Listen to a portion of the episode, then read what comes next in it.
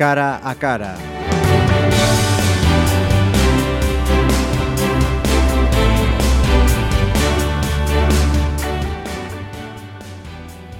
Saludos, iniciamos este cara a cara.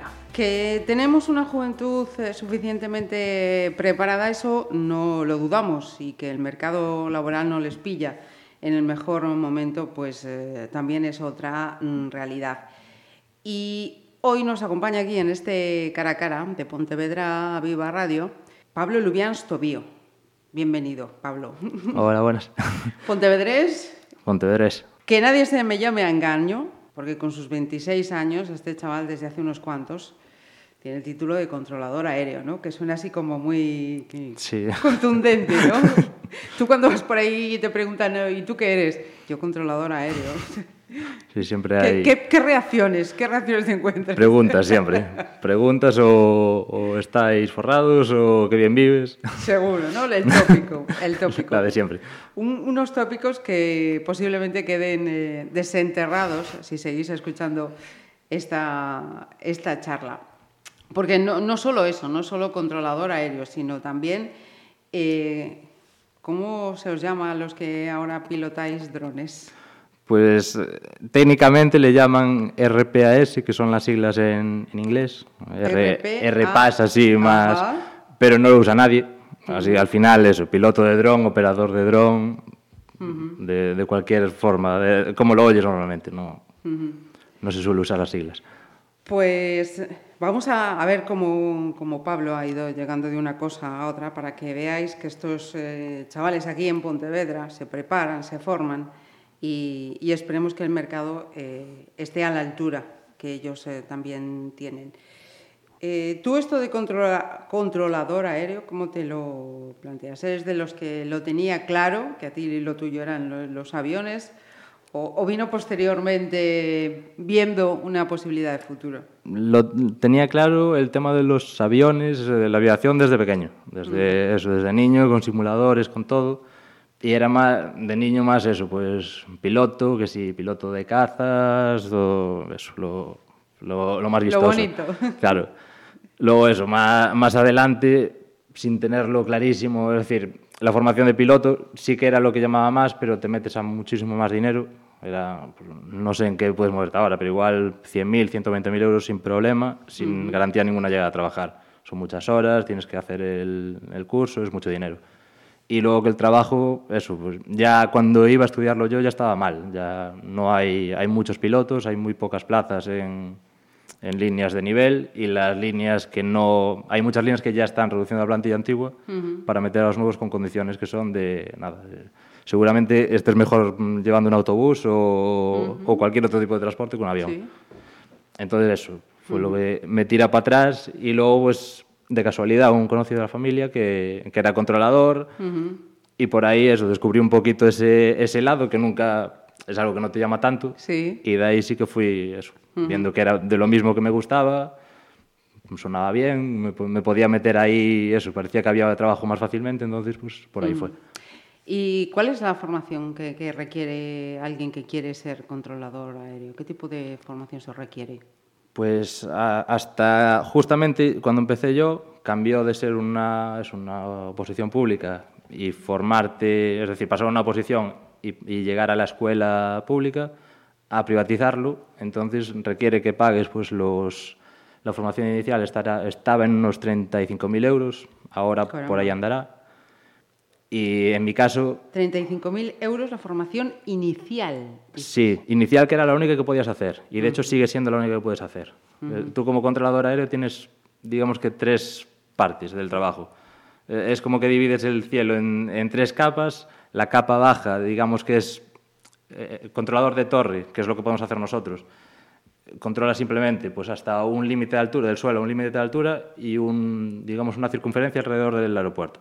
Entonces, tu zona de control es solo eso. Una vez que salen de ahí, pasan a, la capa de aproximación, que es la que tiene más, más chicha del trabajo, uh -huh. que controlan todo lo que sube y lo que baja, los, son los que enfilan los aviones, digamos, para meterlos en la pista, etcétera.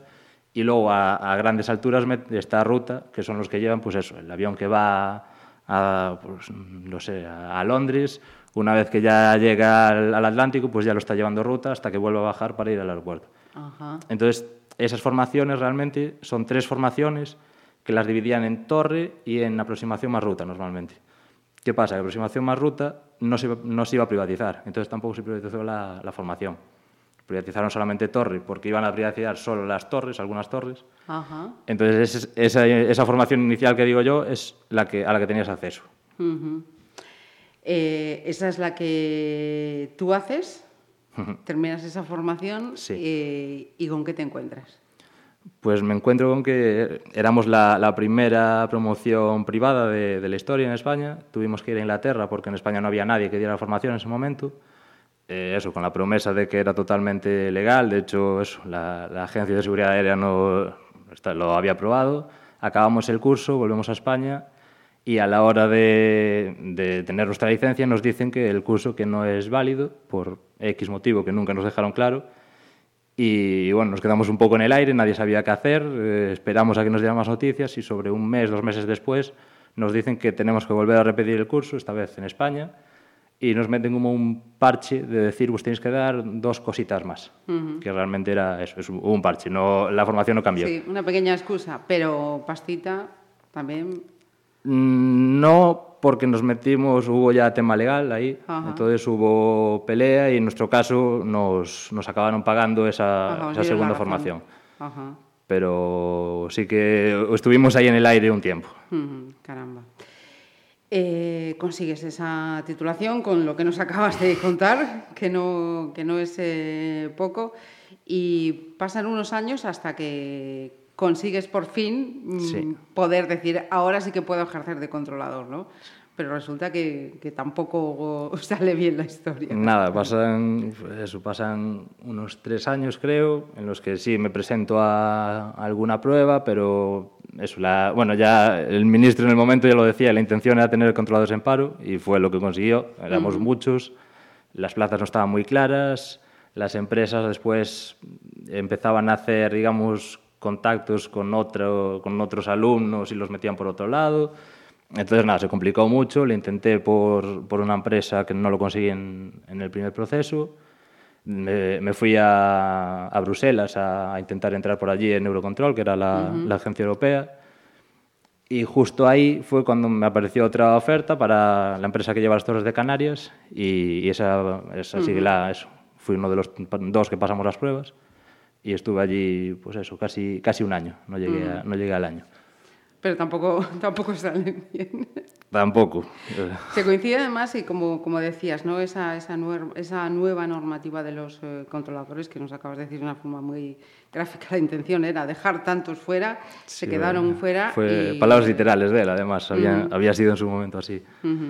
Y fue eso. Eh, entonces, em, ese em, lugar que seguimos eh, colocando a los controladores de ganan tanta pasta como trascendió, ¿no? A raíz de una de las eh, huelgas, o si no fue la última, fue de las últimas que, que habían eh, convocado, que se ganaba tanto en estas eh, condiciones.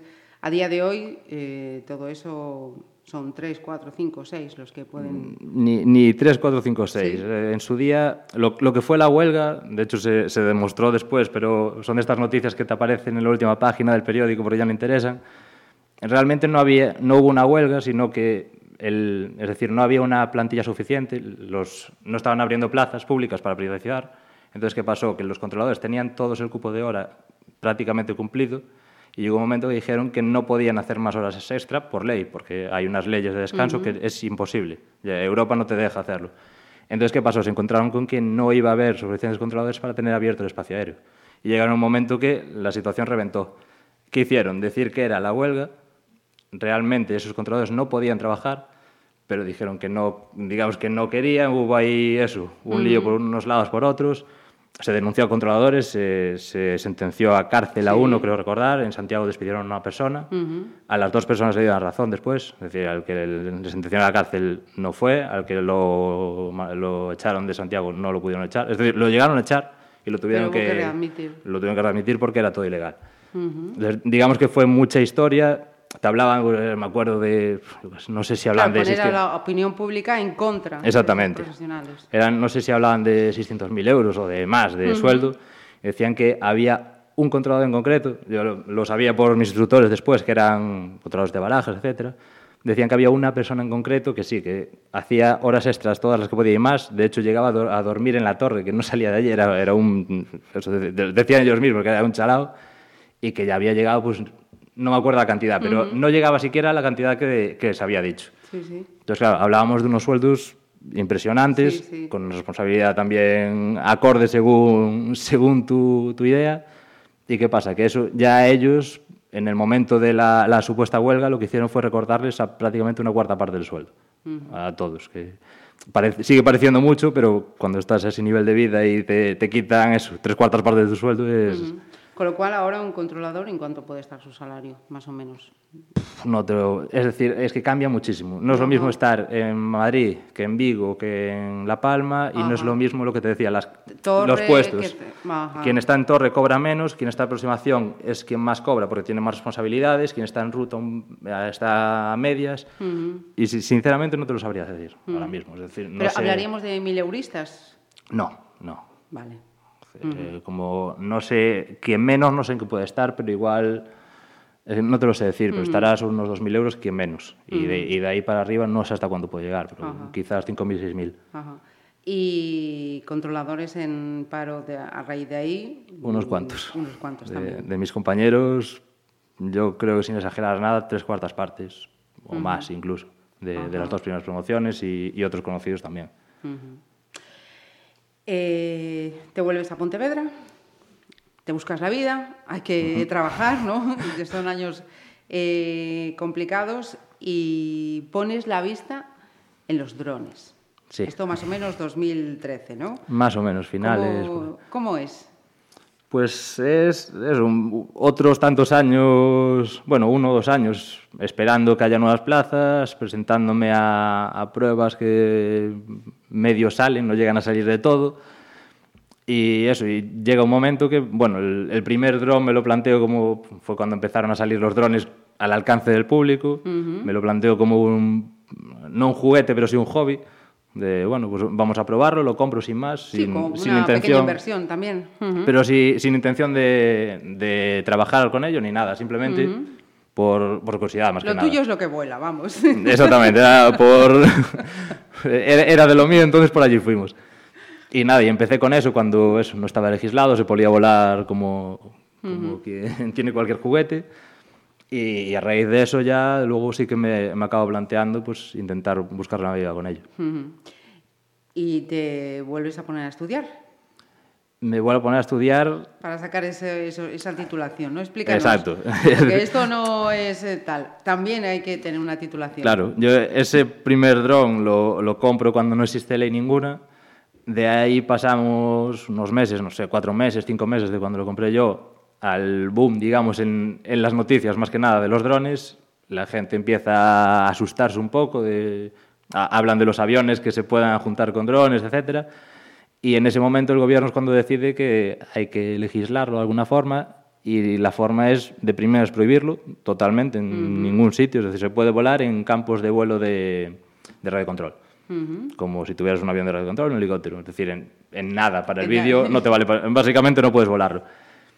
De ahí a un mes más o menos sacaron una ley express, digamos, que ya dijeron que no. Es decir, sacaron una ley porque tenían que sacar una ley sin mucho sentido. Y esa ley lo que te hacía era que tenías que tener un título eh, teórico de, de drones. Hay, hay dos niveles, digamos, básico y avanzado, que básicamente no cambia mucho.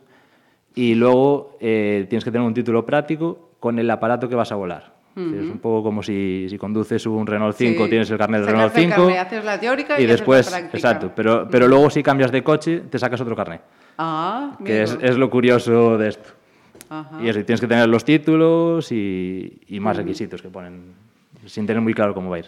Eh, sin tener muy claro, o sea que todavía eso, a, me- a medida que se va planteando la situación, se van poniendo los pliegues, las pinzas, los cierres, a ver por dónde va la historia. Bien, bien, vamos bien, vamos bien. Eh, y la pasta, ¿cuánto más o menos viene ese tronce estos títulos? Pues en, en su momento cuando empezó era un poquito más porque no había opciones, prácticamente había muy pocas escuelas. Ahora mismo estaríamos hablando de sobre 800 euros lo que serían el, el título teórico y el práctico de un aparato. Luego, eso, cada práctico estaríamos hablando de unos 400 euros. Ajá. Eh, ¿Qué versatilidad en el mercado ahora mismo puede tener saber eh, manejar un dron? Pues a- ahora mismo ya, ya empieza a haber bastantes empresas y supuestamente todo el mundo dice que, que el futuro va a que haya muchísimo más. A nivel de versatilidad, pues lo que te puedas imaginar y más que, que se sigue imaginando poco a poco la gente. Es decir, pues desde lo básico que son los vídeos que ves o las fotos aéreas, pues pasas a eso, inspecciones de, de desperfectos con eso, Sí, como temporales vimos o lo que sea. semanas en. Exactamente. Ujú. Inspecciones de tejados, de fachadas, lo que sea. Eh, tendidos eléctricos, cámaras térmicas para tema de incendios o eso, cultivos también que se, se encuentran por cámaras térmicas, topografía, búsqueda de personas, salvamento. Y, y de ahí ya vas a, a todo lo que vayan innovando. Ajá. Ideas hay cientos, sino cientos seguro. O sea, estamos, vamos a decir que en los comienzos. Estamos en los Y de comienzos. momento tú estás en la parrilla de salida ya. Exacto. No, no es en la parrilla de salida, ya, ya has pasado la línea de salida, Sí. que es distinto. Cuidadito que ya, ya es otro paso. Em, tú en concreto eh, estás con el tema de videodrones, ¿no? Sí. Eh, ¿Cómo te preparas? ¿Cómo te vas eh, continuando esta, esta formación? Pues la, eso, la formación... Me lo- refiero, a partir de que tienes ya ese título teórico y ese eh, título práctico, tú dices, bueno, pues me quiero dedicar eh, concretamente con un videodrone a eh, esto, a lo otro, y a partir de ahí ya es ponerse a, practicar. Básicamente es ponerse a practicar, eso. Es, eh, son horas de vuelo como... Igual que si pilotas un helicóptero o un avión, es, es volar. Volar seguido, ver las situaciones que te aparecen, aprender realmente por tu cuenta, porque no hay... Este, título es, digamos, un carnet de conducir sin llegar a enseñarte lo que te enseña el carnet de conducir. Es más bien como hacer el teórico de conducir, por decirlo de alguna forma. Entonces, no es que haya una formación, es un título simplemente. Hay que, hay que verlo como lo que es. Sí, es, un- sí. es un papel que te certifica oficialmente, pagas un dinero para, para, Para poder, poder volar. volar. Es más una criba de que no todo el mundo pueda volar. Entonces, te meten unos obstáculos que realmente una formación. no, Eh, es verdad, porque además me, me- me decías antes que em, tú imagínate, mm, hoy hace una tarde estupenda, dices, oye, pues voy a poner mi dron, no puedes. ¿Qué requisitos necesitas Pues- antes, Exacto. efectivamente? Pues además de eso, además de, de los títulos, eh, práctico, etcétera, necesitas tener un seguro de responsabilidad civil por lo menos siempre, por tema de eso, cualquier accidente que pueda haber tiene que estar cubierto. Y después, si lo vas a usar con fines comerciales, tienes que estar dado de alta como operador de drones, eh, como em- empresa, digamos, dedicada a cualquier actividad con drones en la Agencia Estatal de Seguridad Aérea. Y una vez con eso ya tendrías el papeleo, pero antes de cada, de cada vuelo tienes que presentar una notificación a esta agencia cinco días antes de que vas a volar, en qué zona geográfica, con qué fines, el tipo de vuelo que vas a hacer, es decir, darles toda la información posible para que ellos avisen a eso, a todo, es decir, emitan un NOTAM, que es un aviso a, a la aviación en general.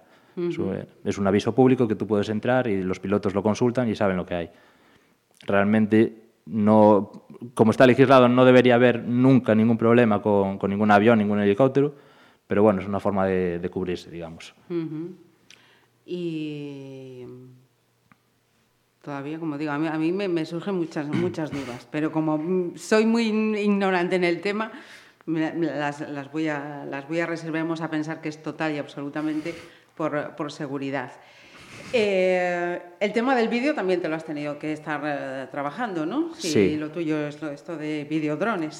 El vídeo, en mi caso no, no vengo, vengo de unos estudios de eso, contra el aéreo, aeronáutica Sí, en ¿no? general. Como quien No, dice nada, no, sí, periodista. Sí, Sí, pero bueno, no- así, de estar de andar por casa. de- digamos, ve- vengo de otro lado, ¿no? Entonces no, es decir, no vengo de hacer audiovisuales ni de... eh, en, en mi caso, formación, eso, autodidacta, digamos. Sí. Y con, con mucha calma y mucho tiempo, pues ir un poco, eso, metiéndote... Más que a nivel de, de decir, pues, sé hacer vídeos a nivel profesional, a tener los conocimientos para decir, el- para buscar, para saber lo que va a buscar quien sepa hacer esos vídeos. Eh, que conste que los eh, lectores de Pontevedra Viva habéis podido ver alguno de los vídeos de, de Pablo.